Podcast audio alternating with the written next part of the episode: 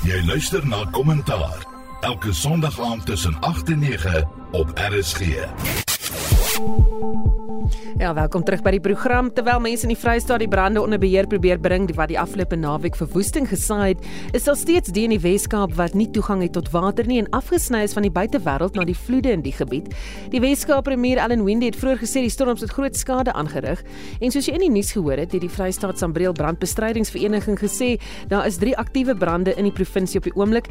Johan Breitenberg van die vereniging sê die vuur tussen Tennyson en Winburg brand steeds. Hy sê verder dat 'n plaaseienaar en een van haar werkers baie ernstig beseer is terwyl hulle besig was om 'n brand te bestry in die verkeerde vlei-gebied. Kom ons hoor gou wat sê hulle. En dan die laaste vuur is op hierdie stadium van die geveg ons hoë intensiteit vuur is die Berlin vuur in die Clarence omgewing in die Suidoos Vrystaat is besig om baie aktief te brand. Daar is 3 working on fire spanne wat ondersteuning gee daar en besig is om te help met brandbestrydingsoperasies. Die wind is baie sterk in daai omgewing op hierdie stadium van die geveg, maar um, die bergagtige terrein maak ook brandbestryding baie baie moeilik. Geen berigte is ontvang, rapportering is ontvang van ernstige addisionele skade vandag, beserings of veeverliese. Nou ja, en dit natuurlik die uh, voorsitter of, of woordvoerder daarvan die Vrystaat Sambreel Brandbestrydingsvereniging Johan Breitenberg. Jy luister na kommentaar. My gaste vanaand is Marie Harris, direkteur by Ipsos. Goeienaand Marie. Goeienaand Susan. Karin Brits, navorsingsgenoot by die Universiteit Johannesburg en taalpraktisyn by Akademia. Goeienaand Karin. Goeienaand. En dosent in praktyk aan die Universiteit van Johannesburg, professor Theo Venter. Goeienaand Theo. Goeienaand almal. En my klankregisseur is Jerry Labeskagni en ek is Susan Paxton.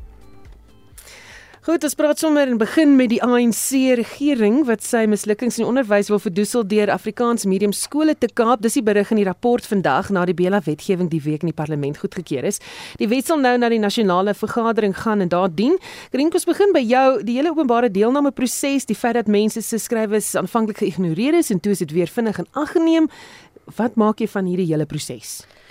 Sjoe, as mens dink aan die Bella wetgewing en as jy hom so lees, dan voel dit soos of die die, die besluit is nou uit die ouers se hande geneem. En en ook daai ignorering daarvan van die kommentaar wat gelewer het. Eintlik verskriklik goeie kommentaar wat gelewer is. Dit sê iets van van ons demokrasie wat aan die gang is. Dit is dis lewendig en mense neem deel. Hulle aanvaar nie net maar wetgewing wat vir hulle gegee word nie. So dit is miskien die positiewe kant, maar die negatiewe kant is dat dit dat dit geïgnoreer word en dit haal eintlik so 'n bietjie die legitimiteit uit hierdie hele proses uit. Gaan mense dit in die in die uh, vervolg dit ook vertrou? Gaan hulle deelneem? En dit is eintlik 'n gevaarteken dink ek in die demokrasie as mense nie meer deelneem nie. Ehm um, so so ja, dit is dis dis nou hartseer die die taalbesluit wat nou eintlik uit die ouers se hande geneem word. En dit is nou die hartseer vir nou, maar my hartseer is eintlik die langer termyn. So as ons nie meer in ons moedertaal kan skool gaan nie, um, en ons eintlik so half geïsoleer word in hierdie kom ons sê hierdie Engelstalige elite wêreldjie wat maar eintlik 'n klein groepie mense is, dan sluit ons soveel mense uit. En dan is dit nog 'n groter gevaar vir hierdie deelname aan aan demokrasie. Marie Wel, ja, Karin is natuurlik heeltemal reg dat hierdie proses een is van ehm um, sentralisering van mag. Dit gaan nie meer oor demokrasie nie, dit is om al die mag op een plek te kry. En ja, ek dink nie die rapport se berig was verkeerd om te sê dat die regering probeer om van hulle mislukkings weg te steek in hierdie hele proses nie. Maar ek dink nie die wetgewing is alles sleg nie. Dit sê ook dat graad R ehm um, voortaan ehm um, verpligtend moet wees. Dit sê ook dat ouers verantwoordelik gehou word daarvoor as kinders nie in die skool is nie. En dit sê ook dat ehm um, daar's reëls gemaak vir uh, tuisonderrig. Byvoorbeeld dat 'n opgeleide opvoedkundige die kind moet assesseer dat van een standaard na ander een toe. So ek dink ehm um, dit is 'n um, soort van ehm um, daai daai goeders is alles heeltemal reg en heeltemal goed dink ek in die wet, maar die kwessie oor die taalbeleid is natuurlik probeer onder onder die kombers van allerlei ander dinge wegsteek en dink mense gaan dit nie agterkom nie. Tans is daar maar net minder as 1200 Afrikaanse skole in die land. Ehm um, daar's bietjie meer parallel medium skole, maar om Afrikaanse skole wat goed presteer te probeer ehm um, amper verantwoordelik hou vir die onderwysbeleid van die regering wat 'n klaaglike mislukking is, dink ek is om um, hierdie rek heeltemal te ver te trek. Hm. Die die wet sal dan nou hof toe gevat word seker uiteindelik, maar daai hierdie op 'n proses in die parlement wat soos ons kiesstelsel nou staan nie werk nie. Wel, dit dis nie dat die proses nie werk nie. Die die die meerderheid wat die ANC in die parlement het, is eenvoudig van so omvang dat hy hierdie soort wetgewing kan deurdruk ten spyte van ehm um, eise om konsultasie. Ehm uh, want kyk ons het 'n ons het hierdie hele konsultasie ding is 'n is eintlik 'n baie groot issue wat hulle 'n paar keer in die howe gedraai het want die vraag is het hulle die wetgewing verander in konsultasie? Het hulle die wetgewing aangepas na konsultasie of is dit gedoen met konsultasie? So jy het eintlik ehm um, draai kan jy moet al osse waar draai in hmm. in in hierdie hele konsultasie ding en dit is 'n groot dilemma maar vir my is hierdie wetgewing eintlik tekenend van 'n van 'n teenstrydigheid wat daar in die in die politiek bestaan. Ehm um, die ANC bely wanneer dit nodig is dat diversiteit in die land belangrik is. Hy bely wanneer hy as 'n party bymekaar kom by 'n partykongres dat minderhede nie goed verteenwoordig is nie. daarmee bedoel hy nie Afrikaners nie, hy bedoel eintlik mense wat nie swart is nie. So dit sluit 'n hele spektrum van Suid-Afrikaners in. Maar kom dan by spesifieke wetgewing soos hierdie nou, dan is dit asof die asof die belange van minderhede wat baie duidelik gekommunikeer word, wat baie duidelik oor gepraat word, net eenvoudig nie gehanteer word nie en in daai opsig is Marie reg. Een van die een van die siektes van 'n dominante party is die behoefte aan beheer. Mm. Um, hy moet die rugby in die beheer, hy moet die sport beheer, hy moet die kerke beheer. Hy moet hy moet beheer hê oor alles.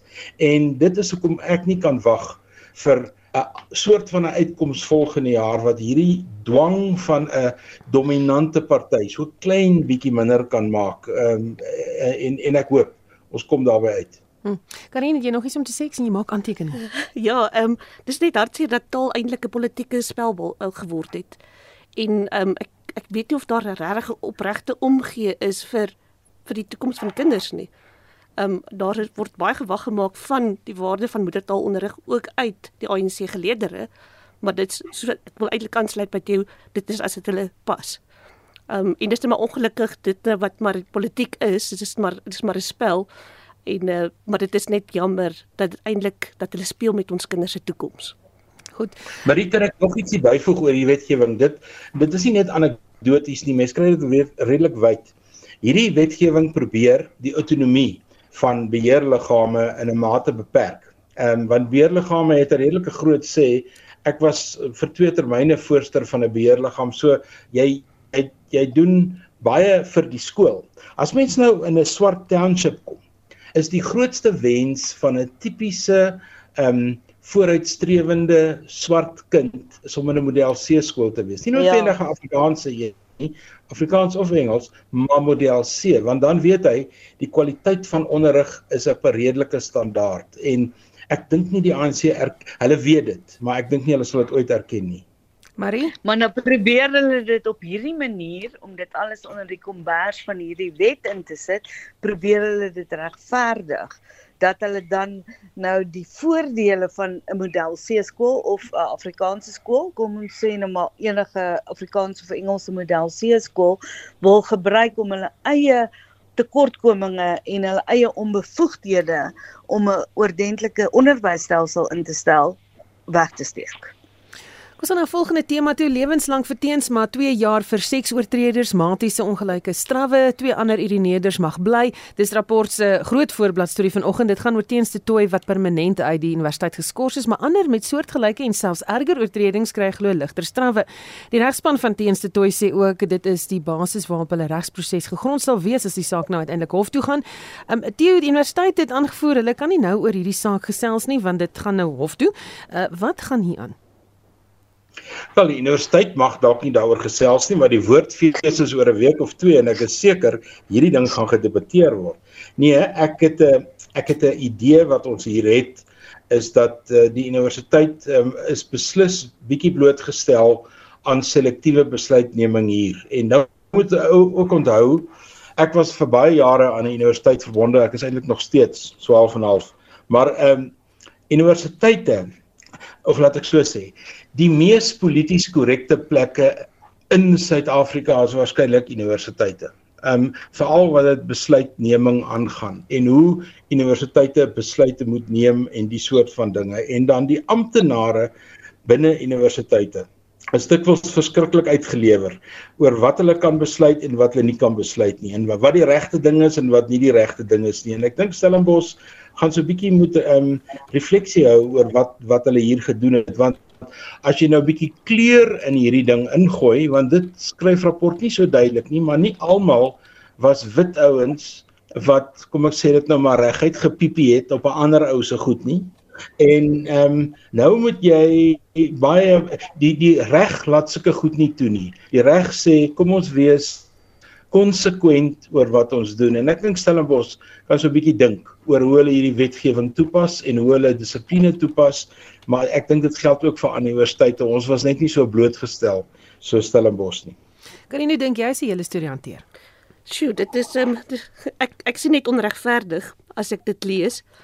Maar dit het my so 'n bietjie laat dink is wat is die rol van 'n universiteit? En ek wil eintlik daarby Theo aansluit. Dis ongelukkig is dit nou so dat 'n bietjie politiek korrekte spel is wat daar gespeel word. Maar eintlik is hulle rol om soos 'n waghond op te tree. Maar as ons nou kyk na studente wat eintlik vir hulle hof hulle inkomste inbring op 'n manier, nou nie natuurlik nie alleenlik nie, maar hulle opvoedingsstaak. Dis tog 'n uh, universiteit se opvoedingsstaak eindig myns insiens nie by die klas deur nie, maar dit strek verder, veral op 'n by 'n universiteit wat ook 'n kampus het, wat 'n koshuis het. Uh, Daardie opvoedingsstaak gaan vir my verder. En wat ek gehou het van die ander persone se se strawwe was natuurlik daardie gemeenskapsdiens. Ek dink dit is 'n ja. ideale ja. manier om 'n opvoedingsstaak te gee. Nou is my vraag, uh, kan 'n uh, seks uh, oortreder gerehabiliteer word, maar nie iemand wat op iemand anders se besittings gaan gaan ek wil nou nie tiese woord gebruik het maar gaan probeer ja hierdie neer het ja. ja. So um, dan is die vraag hoe werk dit nou? Kan kan hy nie ook gerehabiliteer word nie? Um, maar hoe belangrik is die storie in die Suid-Afrikaanse konteks? Ek dink dit is redelik belangrik en maar nou nie ek ek weet nie of dit regverdig is om op die voorblad van rapporte verskyn het nie. Maar die feit dat dit die strawwe nie konsekwent toegepas word nie, dat daar uh, what's good for Peter is good for Paul, so dit dit het nie gebeur nie. En ek het 'n berig gelees waar hulle opname die jong man wie se wie se besittings nat geword het, het 'n opname gemaak van wat die ou gesê het. En die opname wat hy gemaak het, sy uh, foonopname en sy getuienis agterna verskil van mekaar. En hy het nooit getuig in die in die verhoor by Universiteit Stellenbosch nie. Maar natuurlik as dit nou na 'n uh, hof toe gaan, dan sal hy gedagvaar word om te getuig en sy en, en vrae gevra word. Hy sal kruis ondervra word wat nie daar gebeur het nie. Ek dink ek stem saam met Karin, dit is uh, verskriklik onsmaaklik en dit is jammer dat 'n universiteit ook mense maniere moet leer en nie net die opvoedingsstaak het nie, want ek as ek net daaraan dink dat mense sulke dinge aan ander mense doen, waar's die menswaardigheid van hierdie hele ding? So uh, dit ehm um, dit is vir my eintlik die ergste van alles dat hulle iets anders gestraf het eintlik die veronderstelde rasisme wat wat uh die betrokke persoon gerapporteer het eintlik dit gestraf het en nie die oortreding waar hy ehm um, sy buurman of die ou wat langs hom bly se goed alles nat gemaak het nie. En, en weet julle wat ons moet ek dink ons moet ook 'n bietjie 'n uh, 'n realiteits ehm um, uh dimensie hier inbring soos die Engelse sê 'n reality check. Drank is 'n groot speletjie in hierdie hele spel. En oh, ja. Uh, en ek weet dit is nie 'n verskoning nie, maar enige man wat al in 'n koshuis op universiteit was, sal weet dat ehm um, dit veroorsaak 'n uh, 'n irrasionele optrede van mense vir ten minste 3 of 4 jaar in hulle lewens. En weer eens, ek maak nie ek probeer nie 'n verskoning maak nie. Ek was self in 'n koshuis en as 'n mens terugdink, dan kan jy nie glo wat se dom en gewoon stupid goed jy gedoen het as 'n student nie. En ek daai deel van van uh hierdie hele saak het vir my nie genoeg aandag gekry nie. Mm. Ehm um, as as ek moet dink hoeveel keer senior professore of senior ouens aan die universiteit my ingeroep het, my betoeg het en dan eintlik met 'n soort van 'n glimlag weggestuur het en sê moet nou nie verder sondig nie. Dan boys will be boys, né? Nee? so ek dink 'n mens moet daai deel as 'n stukkie realisme ook in hierdie gesprek inbring. Ja, maar miskien is dit net ook 'n kwessie van dat dat baie jong mans deesdae universiteit toe gaan as hulle 17 of 18 is, miskien nog nie volwasse genoeg is om die drank te hanteer nie. Mm.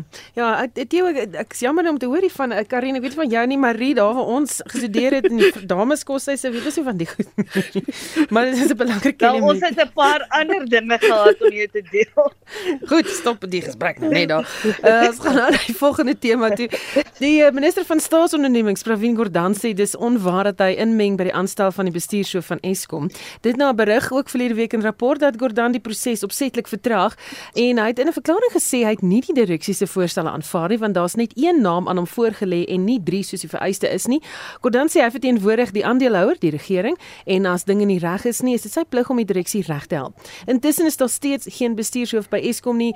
Ehm um, jou jou indrukke van die gebeure.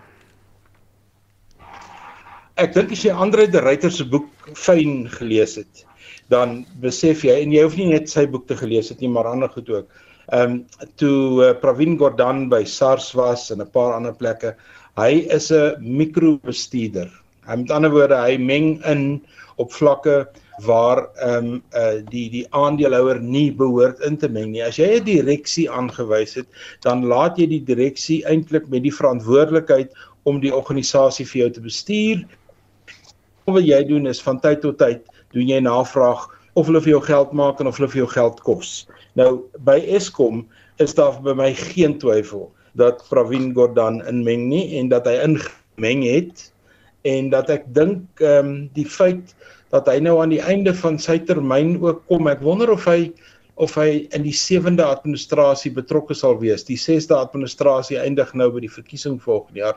Maar ja. ek dink met sy ouderdom en dis meer is dit waarskynlik die laaste sien van Pravin Gordhan, maar ons het altyd geweet toe die ryter weg is en ons nou eintlik 'n politieke hoof aan Eskom gekry het, ehm um, Spoetla Ramagoppa dat dit 'n uit 'n uit 'n ongelooflike probleem gaan wees om 'n hoofbestuur, 'n CEO, 'n groepsbestuurder te kry wat sal kan homself handhaaf in hierdie situasie want eintlik doen Ramagoppa tans die werk wat Andre de Ruyter vroeër gedoen het met meer politieke beskerming as wat de Ruyter ooit gehad het. Hmm. Maar die, um, ek wil nou vra, jy weet Eskom gaan aan al hoeveel maande sonder hierdie bestuurshoof. Wat kort hy eerder as 'n bestuurshoof? Ek dink es Eskom net so Transnet kort eerder mense wat die werk kan doen ehm um, as mens dink aan Prabin Kodan en wat wat Theo nou gesê het oor Prabin wat hy 'n mikrobestuurder is. Hy kan nie sy hande was van iets soos Eskom of Transnet nie. Hy en die voorsitter van die raad van Transnet, Popo Molefe, waarvan Theo baie meer weet as ek, het uh basies die afgelope paar ehm um, CEOs, uh, hoofuitvoerende beamptes van Transnet aangestel en dit het van kwaad na erger gegaan. As 'n mens dink Brian Molefe wat ook by Eskom was, ehm uh, Mohammed Mohammedi ehm uh, um, en nou Posha Dabi wat uh, Brian Molefe se eksvrou is. Ehm um, en regtig die sy was 3 en 'n half jaar by by uh, Transnet en ehm um, die maatskappy was 'n langer al aan die sink en sy het dit finaal vernietig dink ek. En wat Transnet nodig het, wat Eskom nodig het, is ingenieurs, tegnisi, ambagsmande en vroue. Hulle het nie noodwendig 'n raad vol ouens met CA's en sulke dinge nodig nie. Hulle het mense nodig wat die werk kan doen. Hm. Karin, jou gedagtes hieroor? Ja, as mens nou so lees dan kry mens sommer dadelik gevoel daar word kantoor kantoor gespeel. So dit gaan oor mm. administratiewe geskuiwe en so aan, maar nie oor die die kruks van die saak dat daar nie krag is nie. En dat ons eintlik bietjie in die knyp is, so iemand wat regtig ervaring het en dit kan doen. As ons as ons net weer eens die politiek hier sou kon uithaal of ten minste 'n groot deel van die politiek sou ons ligte dalk al bietjie langer aangewees het. nou die bedanking van die bestuurshoof. Sê gou weet jy?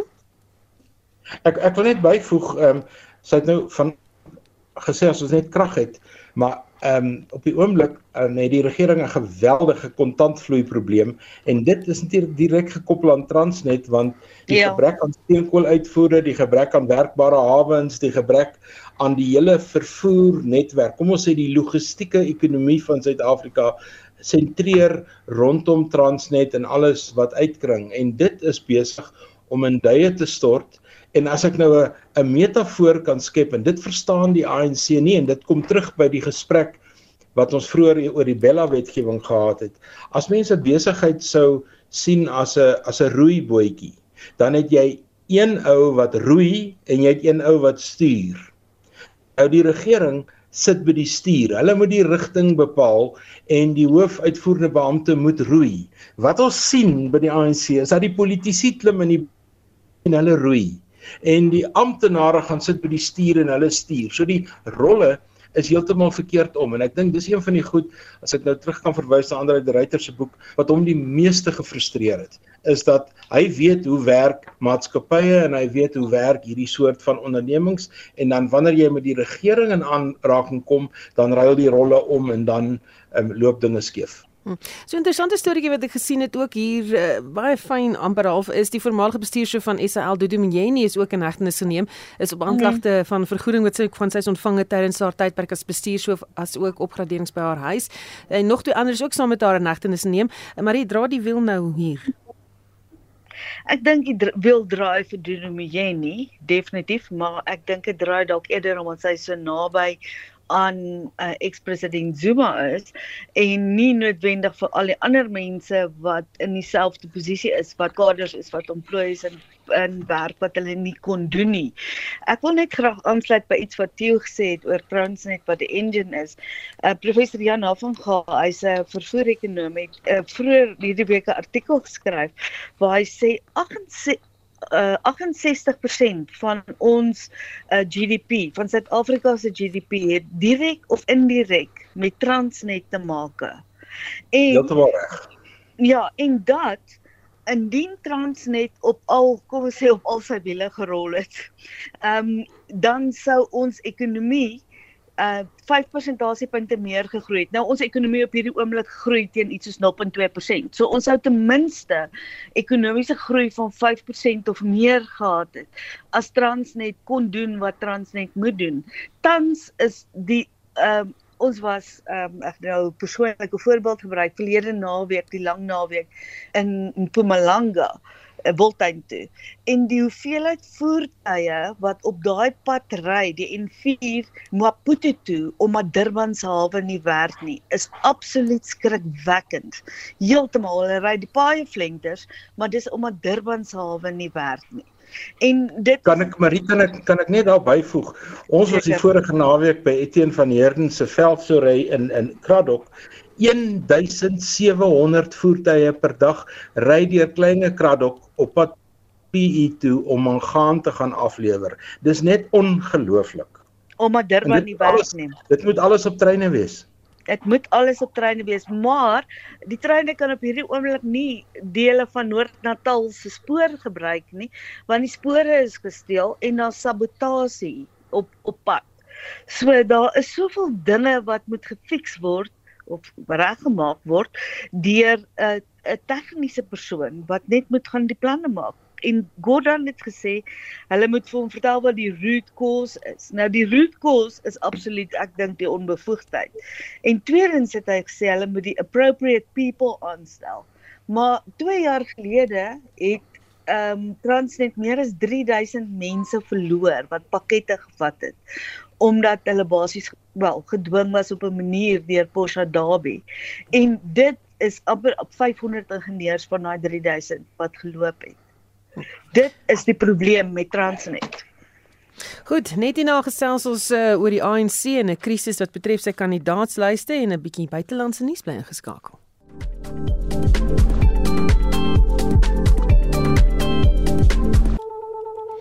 Jy luister na kommentaar my gaste vanaand Marie Harris, Theo Venter en Karin Brits en Karin so gepraat van jou. Uh net so laaste woord oor Transnet en en wat daaraan gaan. Ja, Transnet het mos nou ook so 'n bietjie verdedig met wat daar aangaan gesê hulle hulle gesels elke dag seker so 'n uur met die by die hawens en dit is ook by maar net weer 'n 'n kantoorspeletjie wat maar gespeel word terwyl hulle elke maand 1 miljard rand se rente per maand betaal elke maand. Dit is 'n uh, hulle sit met 130 miljard rand se skuld. Dit is nou die organisasie wat vir ons met geld inbring en die ekonomie aan die gang hou.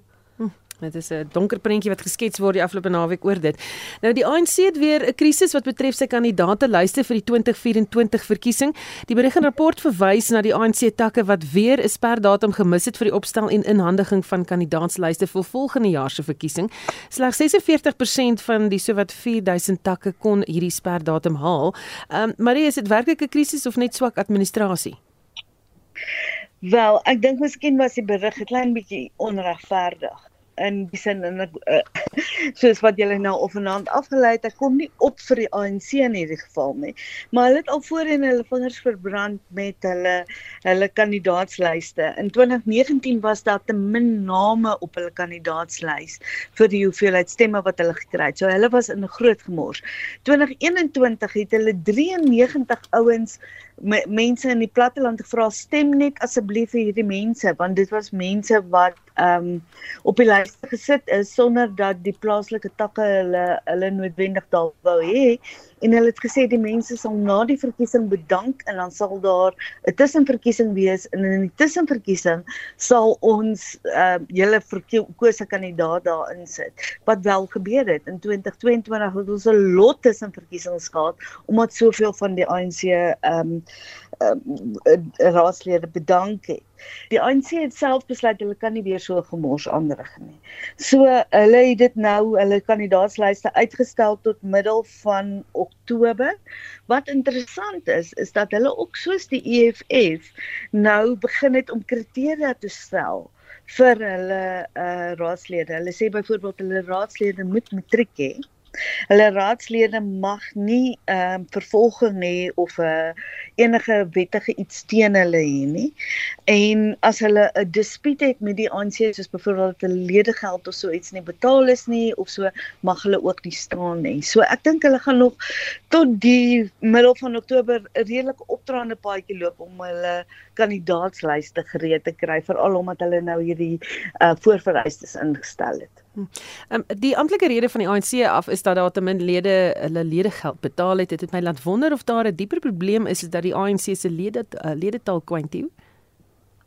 Die ek die ja, ANC, die ANC hulle Ja, ANC se ledegeld was nog altyd ehm um, 'n kwessie.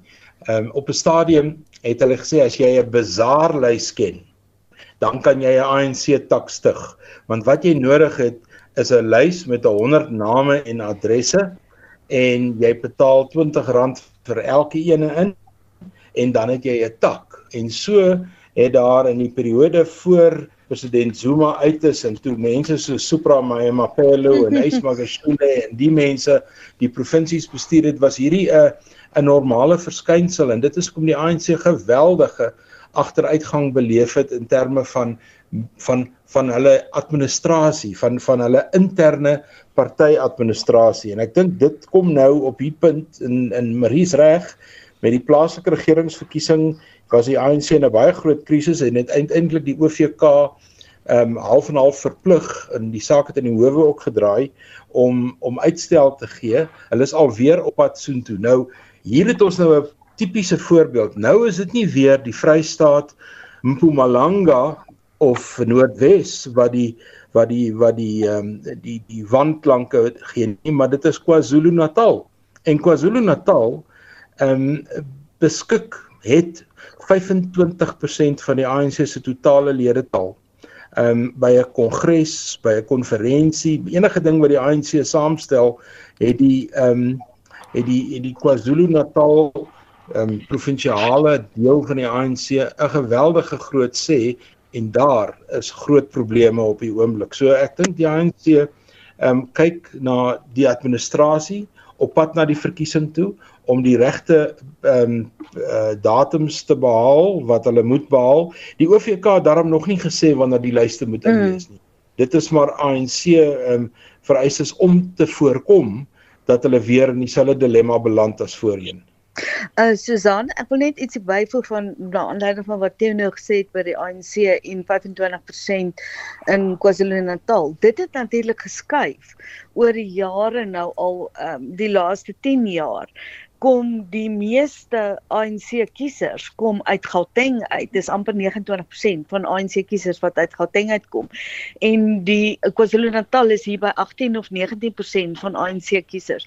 Die ANC het dit ooglykend toegelaat sonder om te verander aan hulle provinsiale en hulle hulle hulle samestelling van hulle lyste. En ek dink die Gogga teruggekom om hulle te byt want uh, hulle moes lankal al dit verander het dat daar minder verteenwoordigers uit uh, uit KwaZulu-Natal op die nasionale uh, vergadering op die op die NEC en daai dinge moet wees want daar is minder ondersteuning in KwaZulu-Natal as wat daar 15 of 10 jaar gelede was. Hm. So, ja, Marie is Marie is heeltemal reg daaroor dit reflekteer die demografie 'n bietjie beter. Mm. Jy weet met die vorige kongres toe um, in in Desember verlede jaar was die was die hoeveelheid afgevaardigdes wat Gauteng na die kongres toe gestuur het was omtrent dieselfde as Mpumalanga en 'n klein bietjie minder as Limpopo. En dit was net dit was duidelik verkeerd, maar dit was heeltemal verkeerd. Ja. Hmm. Ja. Karin? Ja, ek ek dit bespeer so 'n bietjie van 'n apatie van die van die lede van die ANC. As dan nie regtig daai inkoop is, daai deelname op op grondvlak nie, dan dink ek voorspel dit eintlik bietjie probleme hoor op. Uh, en ek het ook nou gelees Trevor Manuel is ook self 'n bietjie bekommerd hy en uh, interessant genoeg Panjasi Lesofie ook oor die die toekoms van van die ANC. So ek ek dink daai is maar 'n 'n bietjie gevaarlikte dak wat uh, flikker vir die vir die ANC bestuur. Hmm. Um, Marie het 'n bietjie daaraan geraak, maar wat is die jongste meningspeilings oor die stand van politieke partye? Waarvan gaan dit afhang? Die mense wat gaan stem of nie of Definitief, dit gaan eersins afhang van hoeveel mense geregistreer is. As ons nou kyk na Suid-Afrika, daar's ongeveer 42 miljoen stemgeregtigdes. Van hulle is tans tussen 25 en 26 miljoen geregistreer. Daar's minder mense nou geregistreer as wat daar vir die 2021 ehm um, plaaslike verkiesing geregistreer was. Mense is natuurlik dood of dinge het gebeur, hulle het getrek en al sulke dinge. So daar moet 'n reuse veld tog wees om mense so ver te kry om te gaan stem. Dan is daar reuse apatie onder mense wat nie noodwendig wil gaan stem nie, want hulle vertrou nie die uh enige politieke party nie noodwendig net die regerende party nie. Hulle vir vir vir teen ag ekskuus tog. Hulle vertrou geen politieke party nie en uh hulle voel ook dat hulle stem nie eintlik tel nie. Ons weet natuurlik almal van ons wat iets van politika weet, weet dat elke stem tel op die ou einde, maar hoe verduidelik jy dit vir jou kiesers? Maar as ons aan die jongste meningspeiling kyk, hierdie syfers dat ek net uh vir Tieu gerus stel oor hoe hulle aan mekaar gesit is. Dis ja, mense wat jy weet ek gaan jou dit vra. Ek weet jy gaan my vra, so ehm um, ek verseker jou uh, meneer Venter, dis mense wat geregistreer is om te stem wat sê hulle wil stem en hulle gaan stem. Ek het die ehm um, die mense wat gesê het hulle wat geregistreer is en wat sê hulle gaan nie stem nie, het ek uitgehaal en dan die mense wat nie wou sê vir wie hulle gaan stem nie. Ons gee gewoonlik vir uh die ehm um, mense wat ondervra word kry 'n stembriefie om te voltooi. Met ander woorde, hulle kan hulle stembriefie bederf as hulle lus is. Met ander woorde, hulle wil nie hulle keuse met jou deel nie. Hulle kan ook vir jou sê hulle weet nie. En daar was 10%, die twee saam was 10%, maar gelukkig het is daar ander vrae in die vraelys wat dan vir mense aanleiding kan gee vir wie hulle gaan stem. Nou moet nou nie heeltemal die boeriekuns afvra hierson nie, maar die ehm um, volgens dit kry die ANC so 43% die DA 20 en die EFF 18. Ek kan vir julle die ander uh, partye ook sê. Maar nou weet ons dat ANC en EFF baie keer sukkel om hulle mense in die platte land by die stembusse te kry. Die EFF veral, hulle sukkel want die meeste van hulle uh, ondersteuners is jong mense wat nie noodwendig so baie na die stembus toe gaan nie. En ehm um, so 18 is miskien die beste waarop hulle kan hoop in hierdie stadium. So tussen 15 en 17%, die DA tussen 18 en 20%, die ANC tussen 39 en 42% en dan die IFP wat 'n hele klompie ehm um, tussenverkiesings onlangs gewen het in KwaZulu-Natal. Ek hou nie altyd daarvan om tussenverkiesings te gebruik vir 'n uh, voorspelling nie. Ek dink in 'n tussenverkiesing stem mense baie keer teen 'n regering. Jy stem nie noodwendig vir die ander party nie. Maar die IFP kry in hierdie stadium so 5%, Action SA so 4%, ehm um, die Vryheidsfront so 2% en dan ander partye, hele rits partye 8 en dan net ek die ehm um, die multiparty uh, handves vir Suid-Afrika se stemme bymekaar getel en dis 31% as jy dit alles bymekaar tel.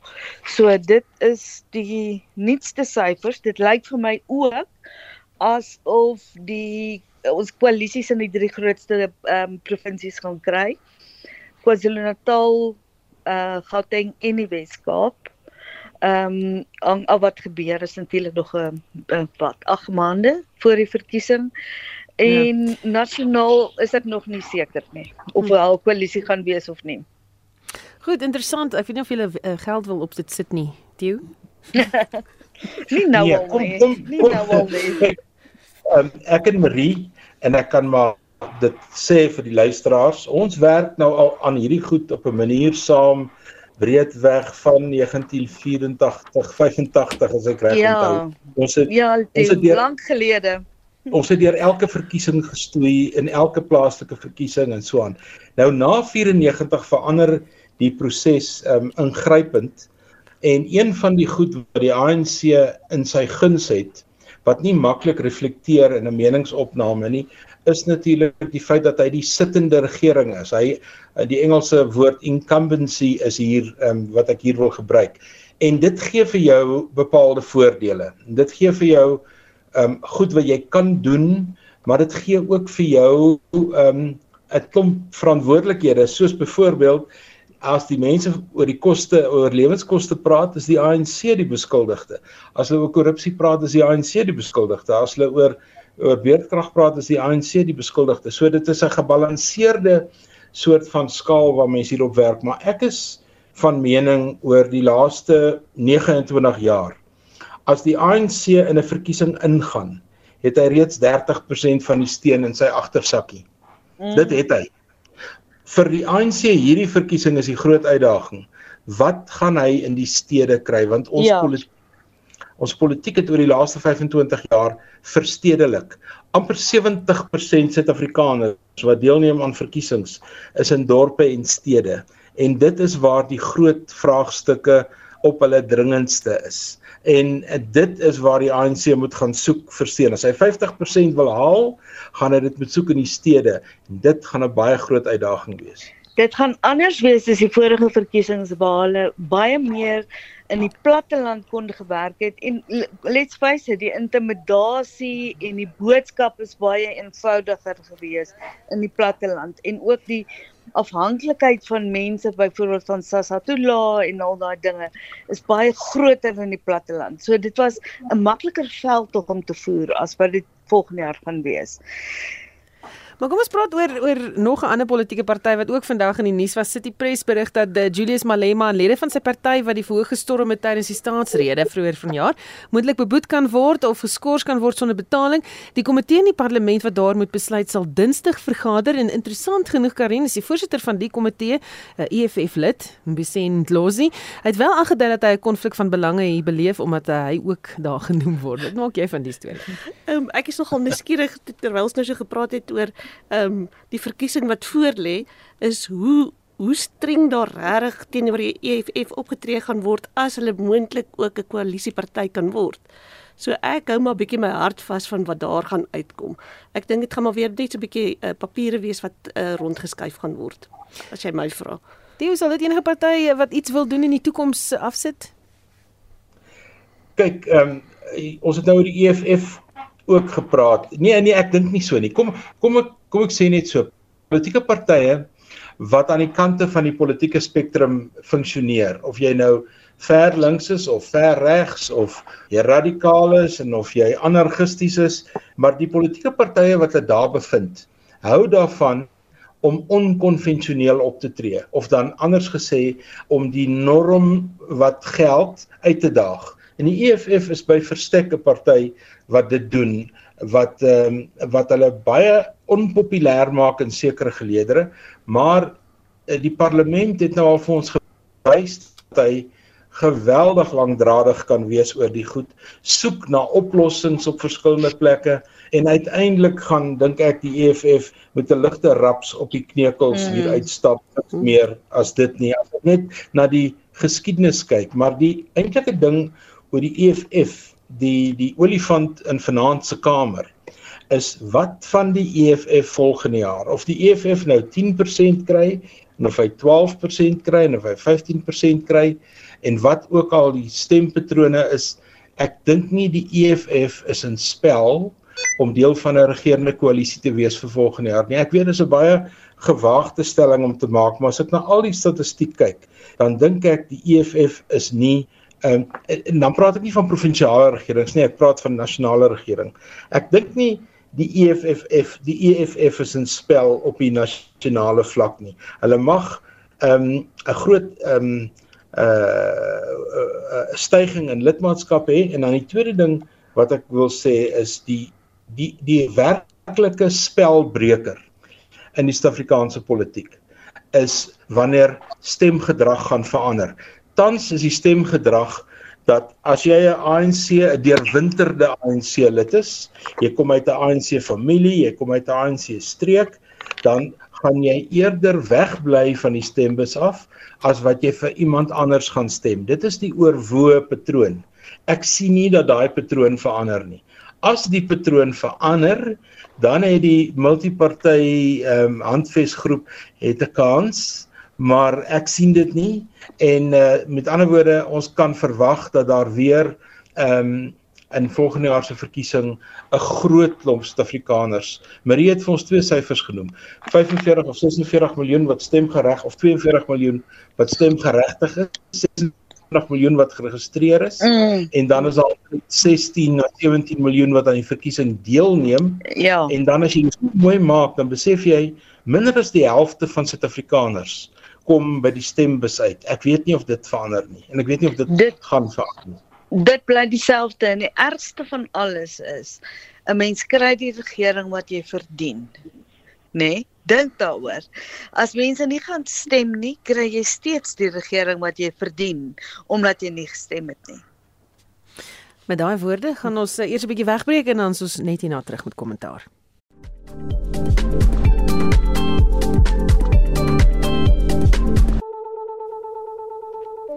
Jy luister nou kommentaar en my gaste is Marie Harris, uh, Karin Brits en ons het vir Theo Venter. Bietjie buitelandse nuus in Amerika het die regering ook bykans heeltemal tot stilstand gekom dit nadat die demokrate die republikeine se maatreëls oor federale befondsing uh jy weet toe nou gestop het um, met 'n stemming, laat stemming. Die wat presies het hier gebeur? Wat elke jaar hierdie tyd gebeur en dit is dat die die kongres moet die begroting goedkeur. Die Amerikaanse president ontwikkel die begroting en dan die kongres, dis nou die huis van verteenwoordigers tesame met die senaat, moet dit dan goedkeur deur middel van wetgewing want hulle dra die beursie. En wat die Amerikaners dan doen, hulle keur wetgewing goed, maar dan sit hulle allerlei allerhande kom ons sê sit hulle um, klein bysaakies, voetnote by die wetgewing. Die een wil hê die muur van Donald Trump moet weer gebou word, daai een wil hê meer geld vir die Oekraïne. Daar so en hierdie komplekse stuk wetgewing veroorsaak dan 'n geweldige klomp uh, argumente en onderhandelinge agter die skerms en so meer. Hulle kon dit hierdie jaar nie uitgesorteer kry betyds nie, so wat hulle gedoen het in die middernagtelike ure laas nag was om 'n 'n interim wet goed te keer wat hulle nog vir 'n maand, 47 dae dink ek kans gee om hulle onderhandelinge uit te sorteer. Kortliks kom dit daarop neer dat die demokrate wil meer geld gee vir die Oekraïne en die Republikeine is daar teengekant. Die Republikeine wil meer ge meer geld gee vir grensbeskerming en die uh kom ons sê nou maar die verbod op immigrasie die demokrate is gekant daarteen so ergens langs die pad gaan hulle mekaar moet vind. En een van die goed wat nou reeds blyk wat volgende jaar vir ons 'n groot debatspunt kan word soos wat ons nader na die Amerikaanse presidentsverkiesing kom in November volgende jaar is as die republikeine aan bewind kom gaan daar beslis minder geld vloei na die Oekraïne. En dit dit dit is nou eintlik klaar in hierdie debatte voor um, uitgewys want daar is 'n 'n baie konservatiewe groepie aan die regterkant van die Republikeinse party eintlik glad nie wil hê Amerika moet betrokke wees by die oorlog nie. Vir ander redes, nie omdat hulle pro-Russies is of enigiets so iets nie, maar hulle is die Donald Trump make America great again mense en dit is maar eintlik 'n vorm van ehm um, ekonomiese nasionalisme wat sê kom ons help Amerikaners eerste en as daar geld oor is, dan kan ons die polisman in die wêreld speel. Karine Groot is die FSA se finansiële krisis en is dit anders as wat hier by ons gebeur? Um, ek ek dink altyd uh, as my so na die FSA kyk, dan voel ek weer bietjie beter oor Suid-Afrika. Ehm um, dat daar ook 'n bietjie gemors kan wees. Ek weet nie, dit is seker maar 'n bietjie negatiewe optimisme van my kant af. Ehm um, maar as mens so so na hulle luister dan lyk dit maar asof dit finansiëel ook moeilik daar kan gaan. Ehm um, en dit uh, dit is 'n bietjie na die nuus luister dit ek uh, die die woord by opgekom het dis hulle het lekker harde kwas uh, republikeine wat eintlik 'n uh, mooi Afrikaanse spinner in die wiel gegooi het. Ehm um, so ek dink nie dit is net die republikeine in die breë nie, maar ek dink dit is daai klein groepie ehm um, republikeine wat eintlik maar die moeilikheid veroorsaak. Ehm um, en ehm um, ek het uh, mis as mis ook nou so 'n bietjie vir na hulle luister toe sê hulle ag maar dis eintlik nie 'n probleem nie mense is mos nou klaar betaal want daar was nou vir hulle gesê maar julle moet nou nou, nou so so dwarstrek dat die uh, dat die mense nie betaal word in die regering nie. En dis net maar is mos al klaar betaal. Uh, dit is nie 'n krisis nie. Ons kan maar nog so 'n bietjie ons uh, voet hier neersit en sê nee. Ons stem afdruk. Ehm um, Marie, hulp aan die Oekraïne is wat jy genoem het, uh, ook eers gestop of gevries. En wat is die implikasies hiervan? Ek dink dat ehm um, die dit is miskien die rede waarom uh, president Zelensky on, onlangs ook ander lande besoek het soos Kanada en ander in Europa om seker te maak is is basiese versekeringspool is dat hy nog wapens kry en die Amerikaners het baie wapens vir hom gegee. So hy ek dink hy het genoeg om uit te hou vir 'n ruk en dan het hy ook so sy versekeringspolis om hulp by ander plekke te kry. Maar sonder Amerika gaan die Oekraïne op die lang duur dit nie maak nie. Hm. Karin, dis dis baie interessant ehm um, dat ehm um, Slowakye is ook 'n bietjie besig om te draai ek sal nie sê draai teen die oorlog nie, maar om te sê wag, hoe kyk ons moet onsself ook maar 'n bietjie verdedig. Mhm. Ons het al reeds soveel gegee en uh, ek bespreek dit so 'n bietjie by die pole ook. So dit is nogal 'n interessante mhm. tendens. Die pole definitief ja. Hmm. Die ja, laaste ja, gedagte. Die pole is die pole is is is buitengewoon. Ehm um, vanweë die feit dat hulle ook in 'n in 'n verkiesing ingaan en 'n leierskapstryd is dit ehm um, is dit eintlik 'n nagmerrie op die oomblik. Hmm. Dan in Daar's veel verkiesings volgende jaar. Dis wys nou net net net Suid-Afrika waar alles tot stilstand kom nie die wêreld. Goed, die BBC berig dat meer as 100 000 mense van die Nagorno-Karabakh streek in Armenië hulle het af weggevlug daar en volgens die BBC is dit omtrent die hele etniese Armeense populasie. Dis nadat Azerbaijan die streek oorgeneem het. Um, kan nie dis die tragedie wat hom hier uitspeel. Ja, en dit is eintlik maar so 'n bietjie tekend van van daardie streek. Ehm um, en dit is eintlik iets wat al ver terug begin het uh, en dit is na die einde van die Eerste Wêreldoorlog. En mens sal dit nie eintlik dink nie, maar dit is dis maar lande wat na die Eerste Wêreldoorlog so 1920 bymekaar gegooi is, deel ge, gevorm het van van die Sowjet ehm um, Unie later. En nou is dit maar daai brokkelstukke en dis dis nogal interessant daai streek ehm um, word nie internasionaal erken nie, maar dit was net maar so 'n de facto 'n republiek wat die deur die hmm. Armeniërs ehm um, beheer is. Ehm um, so dit is 'n dis al 'n 30 jaar konflik wat eintlik nou maar hier so uitspeel. En dit is ehm um, eintlik verskriklik as jy dink dat eh uh, dat die twee kom ons sê maar groepe is eintlik maar die speelbal so tussen Turkye en en en Rusland. Ehm um, en dit is 'n daar was nou vir 'n ruk lank was 'n die, die die hierdie streek is eintlik al 'n eiland in Azerbeidzjan en daar was so 'n bietjie van 'n pad tussen hulle in, in Armenië om om natuurlik weet kos en goed deur te kry want dit is maar onherbergsame uh, streek en dit is eintlik maar toegemaak. So hulle is eintlik maar gedwing om om na Armenië uh, toe te vlug. Marie, jy het ook, um, uh, of toe? Is Susan, daar is nog 'n groep wat net dieselfde deur die Turke ehm um, so in 'n hoek ingedruk is, naamlik die Koerde hm. wat baie ja. dieselfde ja, ja. geskiedenis het en ehm um, Turkye hou eintlik Europa NAVO ehm um, uh, oor, oor hierdie sake want want hy sit op hierdie strategiese plek. Hy verkoop ehm um, drones aan die Russe, maar hy doen dit vir die Amerikaners. Ehm um, dis mm. en tussendeur is daar mense wat se menseregte absoluut geskend word en ja. Koerde is een daarvan. Ja. Maar dit um, dit veroorsaak 'n vlugtelingkrisis en dis baie hartseer. Ja nee, dit is dis waar wat jy in die begin gesê het dat dit omtrent die hele bevolking of die Armeense bevolking uit Nagorno-Karabakh is wat nou vlug die oor hierdie bergpasse terug na die etniese Armenië toe. Maar die president van uh, Azerbaijan speel ook nie heeltemal die speletjie openlik nie. Hy hmm. ignoreer byvoorbeeld die uh International Court of Justice uh, wat gesê het dat die mense daar moet bly want hulle was in 'n in 'n 'n selfregerende Russiese oblast wat dit genoem is gebied.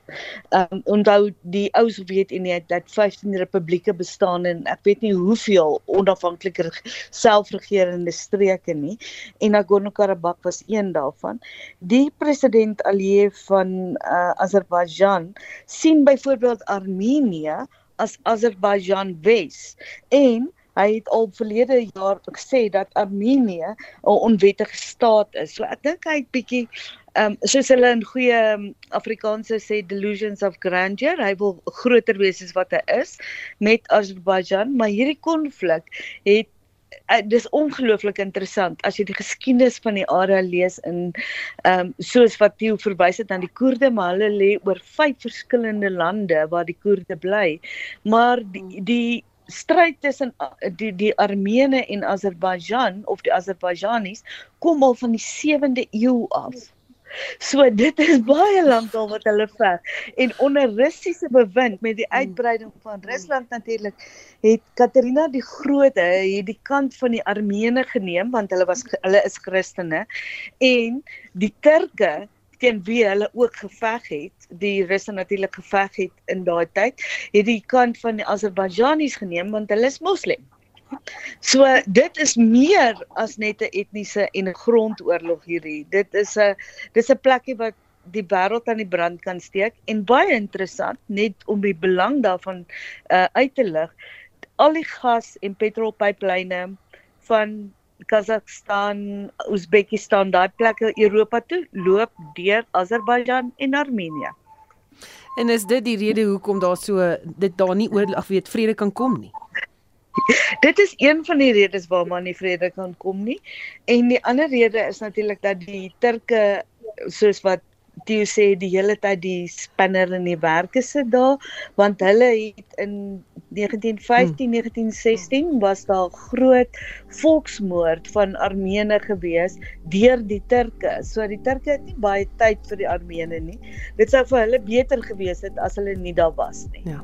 En uh, daai koekoek oorlosie het nou aangekondig dis uh, ons tyd om te groet hier by kommentaar. Dankie dat jy saam geluister het. My gaste was Marie Harris, direkteur by Ipsos Karin Brits en uh, ons het ook 'n dosent in praktyk die Universiteit van Johannes professor Theo Venter, my klankregisseur Jerry Labeskagni, ek is Susan Paxton geniet die rugby hierna.